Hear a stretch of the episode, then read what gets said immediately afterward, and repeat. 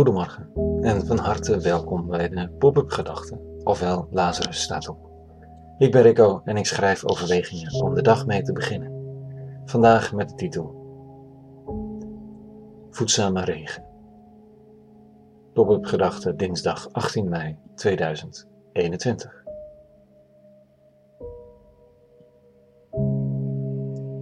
Het is grijs buiten.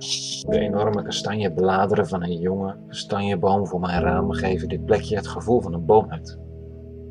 Op de dikke druppelvormige bladeren glinstert water.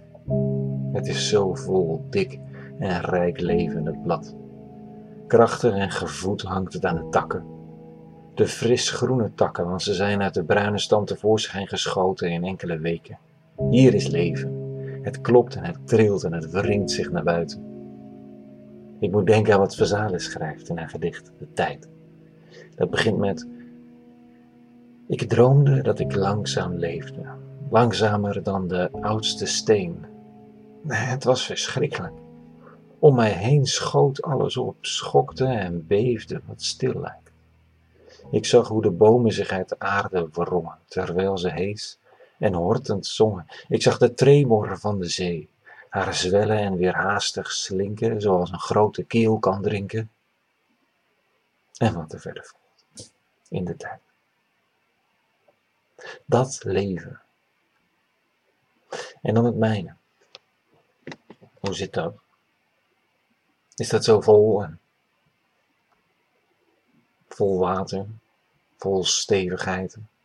Nou, als ik soms op Twitter ronddwaal en de meningenfabriek me uitnodigt, uitdaagt, misschien wel van me eist om mee te doen, voel ik me uitgewrongen, leeg, doorschijnend dun.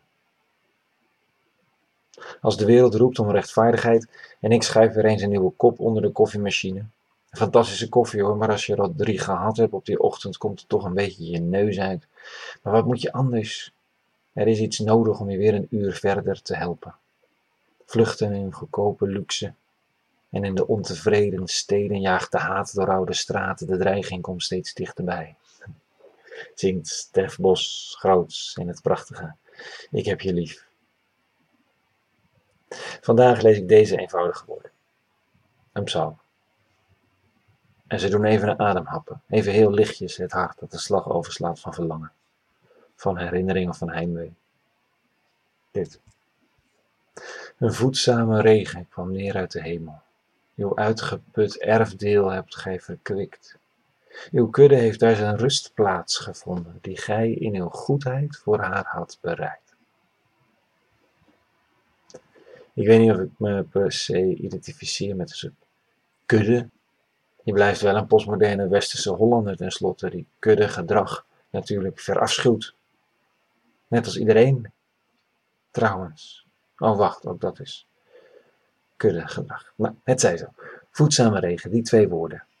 En dan verkwikt en rustplaats voor de uitgeputten. Mijn god, wat is dat nodig? Voor de goedkope luxe koffiedrinker in Amsterdam Centrum. Voor de moeder van twee kinderen wiens relatie het niet heeft gered.